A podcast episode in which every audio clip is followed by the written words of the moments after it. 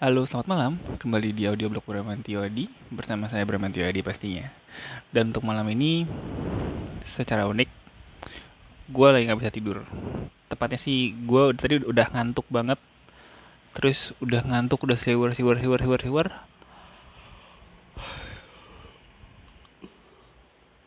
Nyampe rumah, habis latihan taekwondo, mandi. Setelah mandi, gue uh, minum jus sama sedikit nyentuh nasi karena takut uh, takutnya gue craving.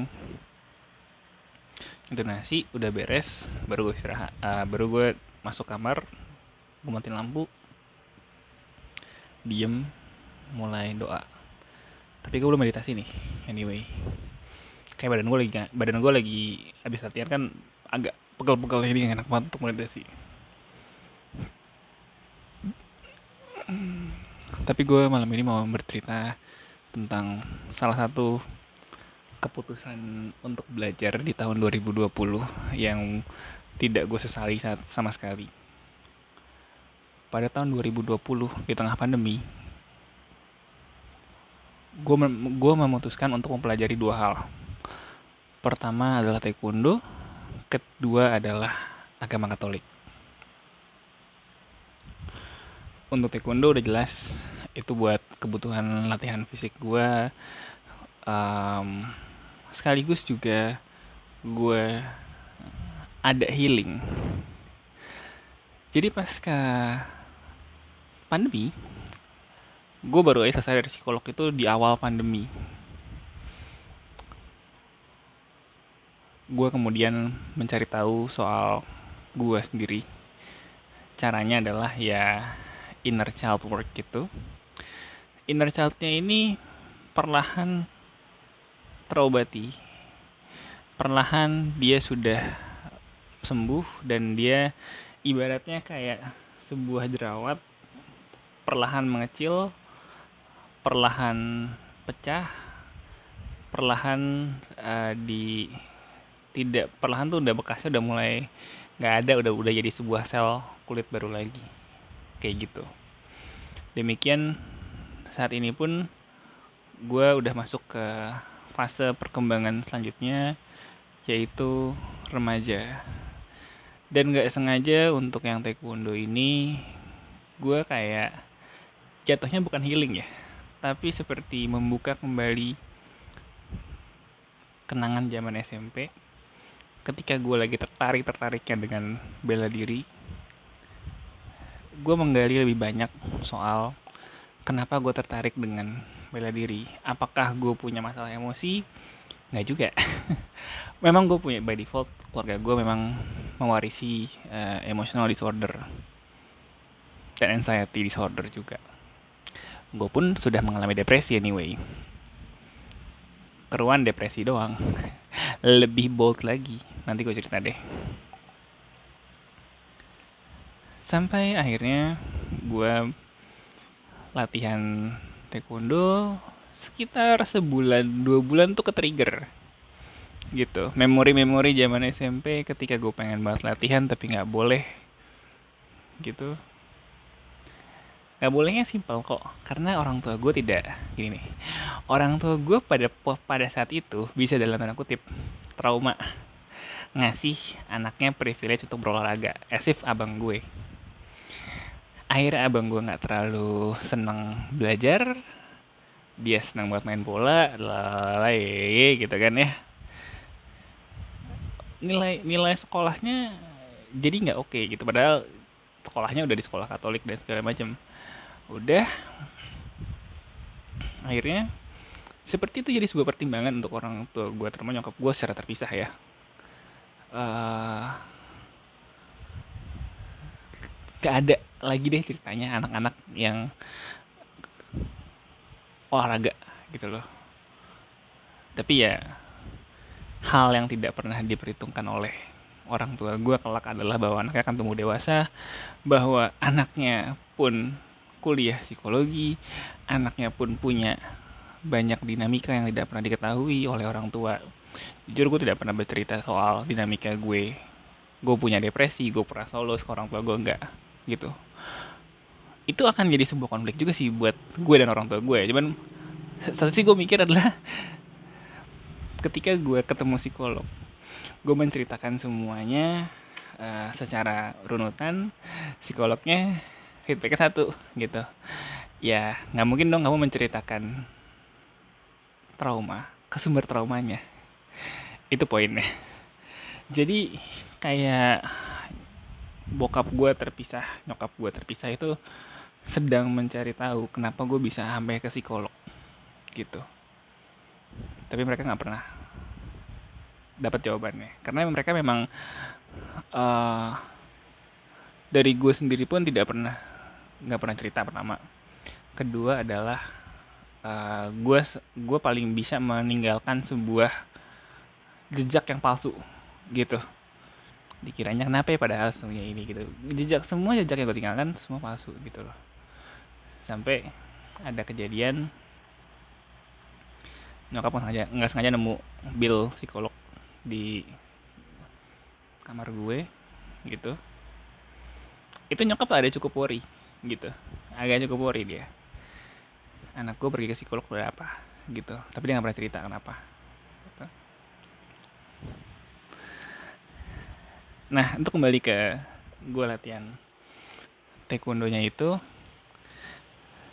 gue ketemu gue nggak sengaja ketemu gue waktu SMP triggernya waktu gue aktivitas itu. Uh, permintaan dia sederhana kok. Dia cuma mau gue harus ngelanjutin. Jadi waktu SMP itu gue gue udah sampai sabuk kuning strip hijau dia cuma minta. Lanjutin tapi dia nggak tahu bakal seberat apa latihannya gitu. Iyalah zaman itu kan kita nggak pernah tahu ya latihan kayak gimana ya. Nah gue akhirnya uh, itu men menjadi sebuah oh iya benar juga ya gitu ya.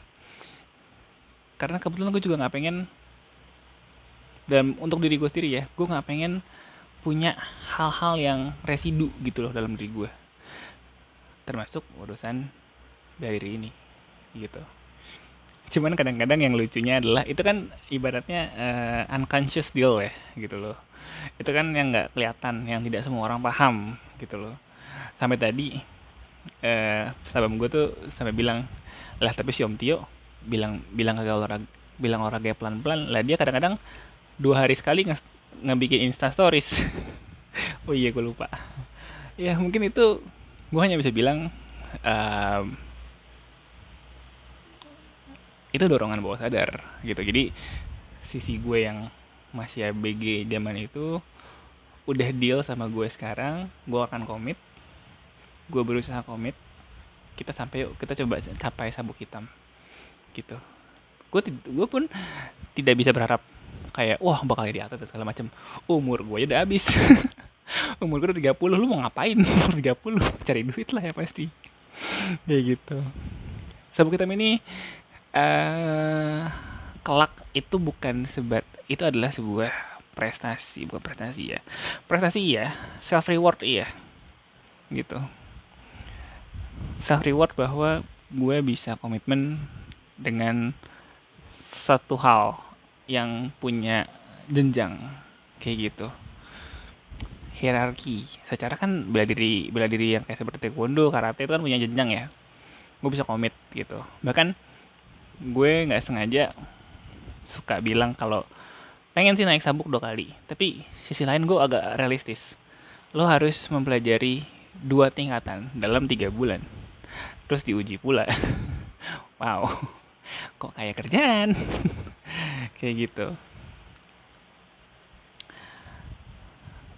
sampai saat ini gue tidak menyesal mempelajari taekwondo. Mungkin ya gimana ya sebagai dewasa ada konsekuensi logis lah dari gue mempelajari bela diri ini. Gue pastinya tidak tidak lagi komitmen ke kalistenik juga tapi gue hanya menggunakan kalisteniknya itu sebagai uh, supporting karena dia ada sifat fungsional di kalistenik kemudian ya gue harus komit juga bahwa gue tuh punya gue tuh punya satu paranoid di di beberapa olahraga termasuk kalisthenik kemarin. Uh, dan taekwondo juga bahwa tidak ada tempat untuk orang gemuk di olahraga seperti itu. Baik kalisthenik ataupun taekwondo dan segala macam kayak gitu. Uh, jadi gue mulai mencari tahu gitu ya. Kita, kita coba diet deh. Kita coba turunin berat badan deh.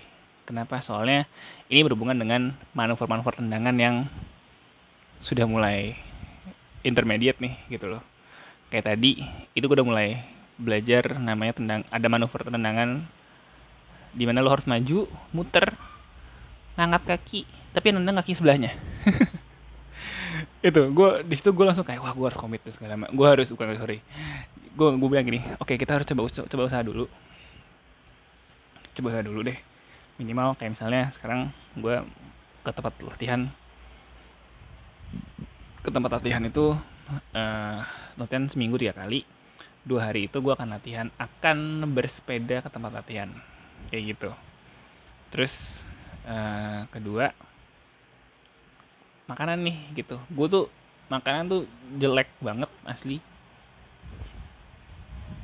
meskipun sekarang udah biasa udah bisa bikin jus bikin salad bikin uh, ada tuh sup yang paling gue suka tuh sup namanya cangkon nabe tapi dia gue gue butuh gue butuh bahan yang lebih enak lagi kayak gitu. Dan entah kenapa mungkin sudah saatnya berat badan gue udah, udah perlahan turun. Kayak gitu. Jadi waktu lebaran kemarin gue pentokin gue naikin sampai 112 kg itu gak nyaman banget rasanya. Tapi habis itu berat gue turun. Wow jadi dari lebaran tuh berarti lebaran tuh Mei. Ke Juni sekarang itu gue udah turun 6 kilo. Ya turunnya bukan berarti jeblos enggak. Jadi kayak 112 turun 110 110 turun ke 9 naik turun naik turun. Jadi jadi tidak tidak tidak sloping down tapi turunnya naik turun naik turun. Sampai tadi ini udah berapa hari ini dalam udah beberapa minggu ini stabil di 106 gitu gue sih senang banget. Senang banget. Jadi gue sebagai reward gue akan memberikan makanan yang uh, fulfilling gitu loh. Wah jadi panjang nih ceritanya. Sorry sorry sorry selanjutnya yang setelah gue belajar taekwondo sekitar seminggu setelah gue register. Taekwondo gue register juga ke namanya katekumen. Ceritanya nih unik unik banget. Katekumen ini bisa dibilang ya sebenarnya gue udah terpanggil saat SMA tapi brother di sekolah gue ketika gue ngobrol ini ini kayak disampaikan orang tua gue sih. Dia bilang terlalu dini dan sepertinya gue belum dapat satu pemahaman tentang agama yang sudah, yang sudah gue anut sejak kecil gitu.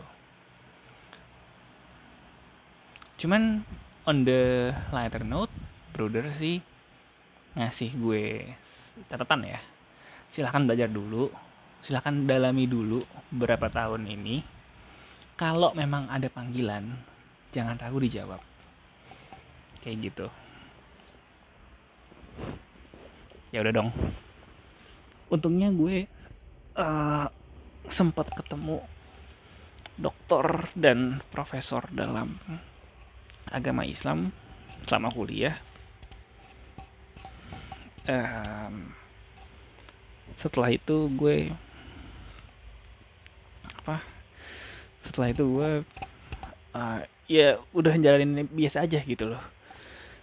Sampai eventnya itu adalah tahun 2019 ketika gue di kantor itu gue setiap sore setelah jam kantor entah kenapa gue mencari tahu soal sekolah gue tiba-tiba gue bisa mencari tahu soal gimana uh, Katolik itu masuk ke tanah Jawa dan lain-lain sebagainya lah terus di tahun 2020 itu gue tuh lagi sedang ngefollow akun Twitter yang Katolik garis lucu terus salah satu romonya juga Romo Andreas dan segala macam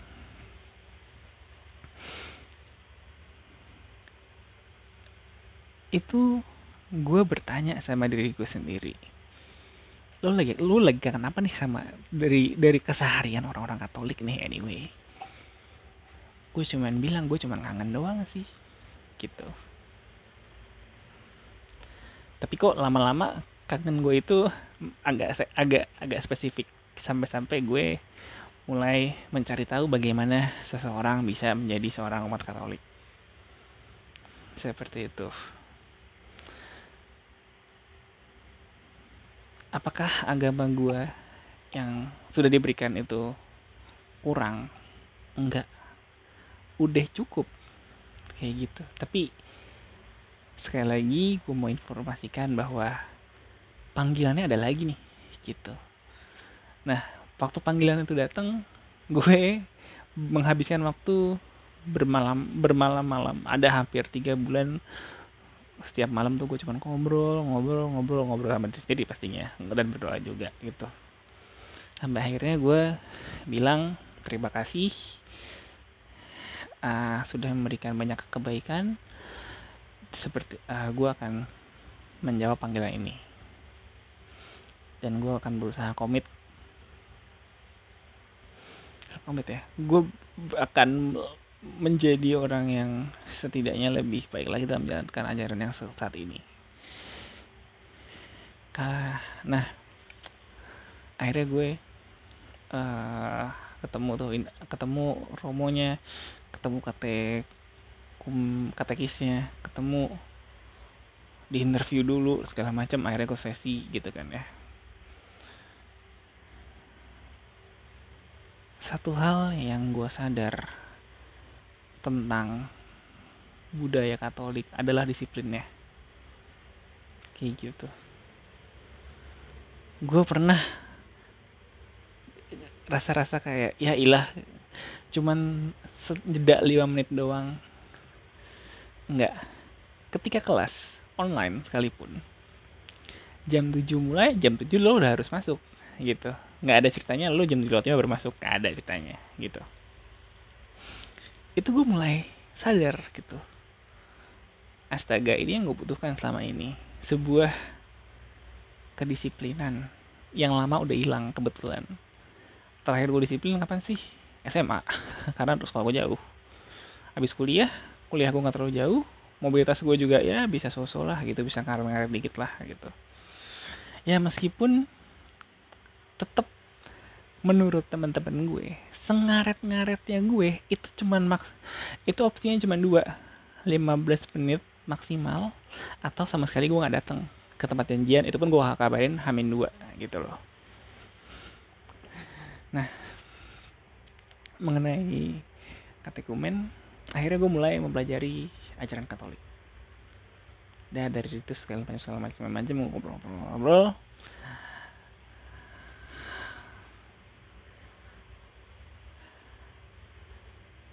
akhirnya gue uh, gue pun baru ngambil apa buku buku kayak buku panduan buat KP KPkumen itu. Ada kali hampir lima bulan. Itu pun gue itu pun gue bilang sama kate katekisnya kak saya perlu ngambil bukunya kak. Soalnya udah uh, udah mulai banyak nih catatannya udah bisa udah bisa diinput gitu. Oh iya iya bener aja gitu ya udah gitu kan. Kabar gembiranya adalah tiba-tiba kata komen gue bilang Tio siap ya nanti di Desember 2021 kamu akan dibaptis. Wow. Gue di situ antara senang sama senewan. Kenapa 6 bulan tuh singkat waktunya men. Nggak kerasa. Ini aja udah udah masuk ini udah masuk Juli. Waktu gue hanya 6 bulan lagi untuk belajar. Dan tuh percaya sama gue singkat makanya gue pernah menunggu. Gue bilang wah kak itu singkat sekali kak gitu. Saya pun tidak pernah menunggu. Sekarang aja kita sudah hampir setengah tahun gitu. Secara bijak gue dapet rekomen bagus juga sih anyway. Dia uh, pernah jadi frater. Wow. Makanya pas dia ngajar tuh gue apa mikir kok ini vibe-nya kayak Romo ya? Gitu loh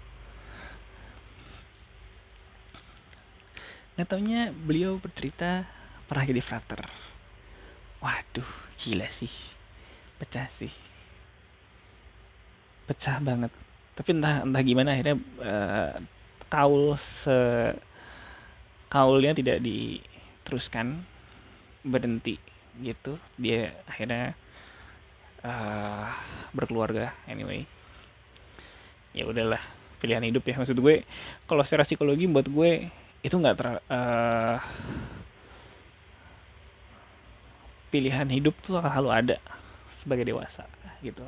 Ya kayak sekarang aja gue latihan bela diri gue ada yang nggak bisa nggak bisa semua gue manage dong. Gue hanya pilih satu untuk gue konsistenin aja gitu loh. Udah. Uh,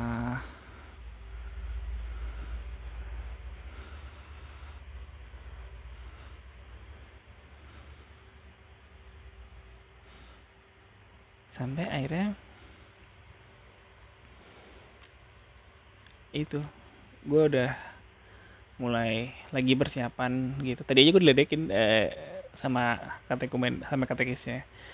Gue tuh inget satu tema ini kayak gue belum ikut deh. Pas udah gue udah masuk di room kelasnya terus katekumen gue bilang dia bukan udah, udah pernah ikut ya? Ah masa pas gue liat dokumen gue oh iya udah pernah ikut? Ya udahlah gak apa-apa. Kayak gitu. Ini gue udah sih jujur. Karena sebelum baptis itu kita ada ujian tertulisnya ada interview sama Romo. Waduh. Jujur nah gue mesti cerita apa nih gitu kan. Gue gue milih Katolik bukan karena ya karena gue butuh gue butuh ini settling down gitu. Di usia 30 ini salah satu kenapa gue akhirnya sampai memutuskan untuk jadi untuk katekumen adalah gue butuh ketenangan secara spiritual. Karena ketenangan mental itu sangat sulit dicapai. Goyang terus. Ketahan eh, ketenangan secara finansial itu bisa dilakukan. Secara materi bisa dilakukan secara mental akan sulit. Goyang aja terus. Jadi gue butuh satu fondasi lagi yaitu ketenangan secara spiritual. Kenapa gue butuh gue pilih Katolik? Karena uh, yang paling deket dan yang sudah paling gue kenal gitu ya di Katolik. Kayak gitu. Sampai gue uh, gue merahasiakan ini dulu terutama sama teman-teman sampai hari ini hanya berapa yang aware dan emang yang gue kasih tahu gitu kan. Teman-teman gue ketika gue cerita gue pengen komen. Tapi gue cuma bilang gini hah? Lu gue gak nyangka lu gitu. Wah gila sih gitu kan.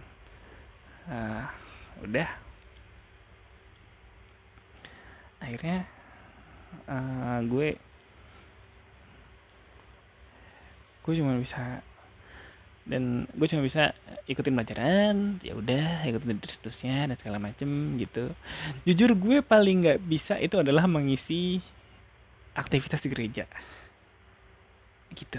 Teman-teman teman-teman yang udah dibaptis itu mereka cerita kayak ada yang aktif di wah paroki katedral. Ada juga yang aktif di paroki Teresia. Mampus gue. Bukan apa-apa nih gitu. Terus uh, eh, gue pun gue mikir gitu ya. Oh iya Katolik itu tuh bisa dibilang ya lingkungannya unik gitu loh. Karena mungkin kecil ya nggak nggak nggak sebesar Islam kali ya. Jadi manajemen umatnya bagus banget.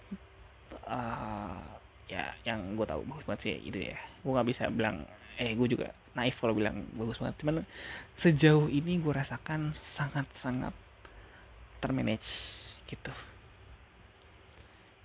uh, terus kedua adalah tadi mau apa ya? Uh, soal aktif di gereja itu gue sangat gue mau bilang gitu gue saya takut saya nggak aktif di gereja dalam artian nggak bisa ngisi-ngisi kayak OM dan segala macem gitu ya.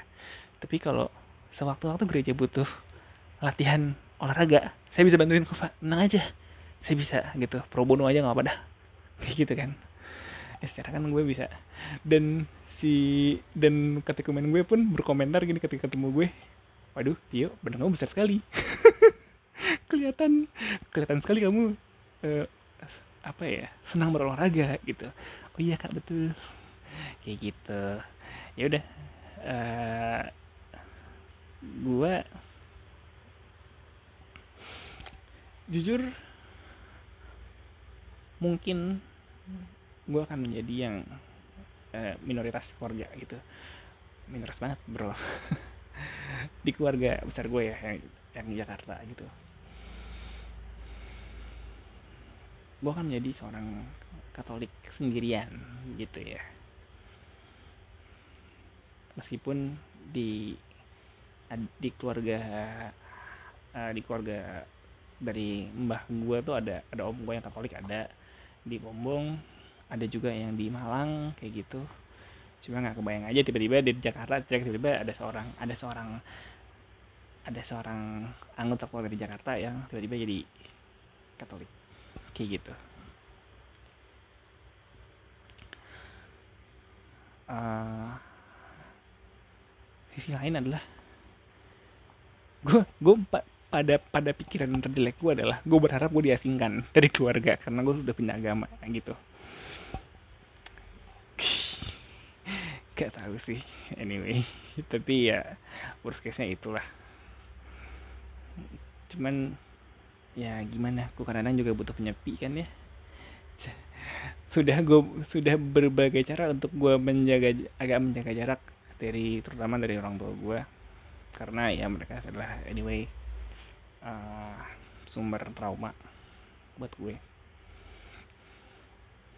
Kayak gitu ya udah gue cuma bisa bilang uh, ketika gue katekumen dan ini perlahan udah mulai uh, dekat ke pembaptisan nih.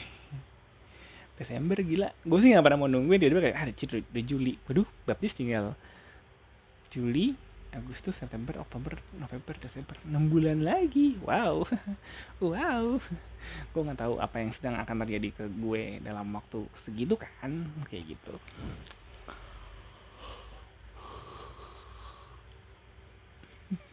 namun di situ gue belajar bahwa baik mempelajari olahraga bela diri dan juga mempelajari ajaran agama hal yang paling gue syukuri adalah gue memilih semua itu dengan penuh kesadaran dan dengan riset yang mendalam. Kayak gitu. Sampai harus konfrontir dulu. Gue waktu taekwondo itu seperti konfrontir gara-gara uh, klub yang gue ikutin itu dianggap tidak diakui oleh uh, induk organisasi olahraganya. Terus gue counter dong. Sebentar. Gue tuh ngelakuin ini bukan sebagai atlet loh gitu. Uh, sepertinya komunikasinya ini salah nih gitu kan. Terus gue baru tahu bahwa orang yang gue ajak komunikasi tuh maaf uh, dia gak seberuntung gue yang bisa kuliah satu. Gue baru tahu dia lulusan SMA jadi gue hanya bisa memahami bahwa ya komunikasi dia pun akhirnya degree-nya pun berbeda dengan gue yang mungkin dia hanya komunikasi S19 komunikasi gitu loh. Kalau gue kan ada komunikasi strategis komunikasi early setting dan segala macam segala macam komunikasi itu gue dapat gitu loh. Karena ketika dikonfrontir lalu gue konfrontir balik gitu. Dengan penjelasan bahwa uh, gini komunikasinya gitu. Tidak seperti ini ketika lo mau nge-branding olahraga ke lapisan masyarakat yaitu gue. Tapi lo menggambarkannya menggambarkan konflik dulu. Secara orang jualan siapa sih mau beli konflik? Kecuali gosip kayak gitu. Ya demikian saat katekumen pun teman-teman gue yang gue ajak ngobrol tuh interogasinya tuh bagus banget. Bener-bener nanya serius lo yuk. Lah selesai. Gitu. Gue jelasin dan segala macem. Salah satu poin yang pernah gue jelasin ke mereka adalah gue bilang gini nyat lo tau kan lo ada uh, hal yang uh, yang yang ngebantuin gue adalah temen temen SMA gue nyat lo tau kan hidup lo selalu kurang. Sejak SMA bapak gue nggak ada. Uh, hidup gue tuh nggak pernah utuh nggak pernah lengkap gitu. Buat seumur hidup gue cuma pengen satu rasain utuh. Gitu aja deh. Cuman rupanya tuh keutuhan itu tuh segmennya banyak.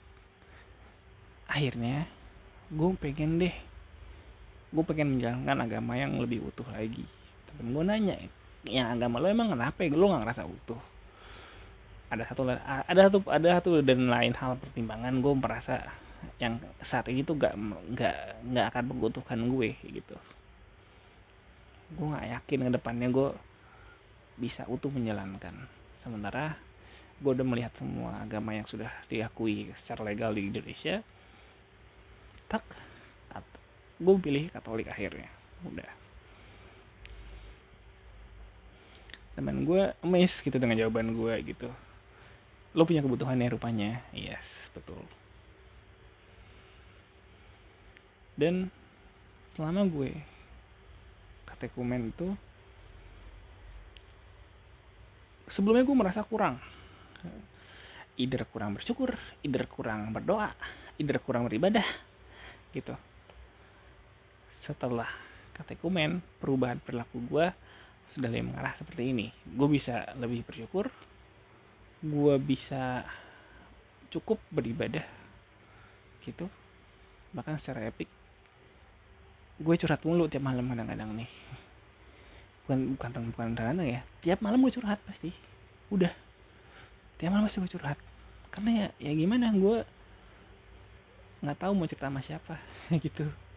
Mengutip orang-orang bijak pasti sebaik-baiknya manusia tempat manusia bisa mengadu ya anyway Tuhanlah tempatnya yang terbaik kayak gitu. Ya udah mungkin uh, gue sudahin dulu obrolannya. Wajir 30 menit men. Duh sorry panjang banget men.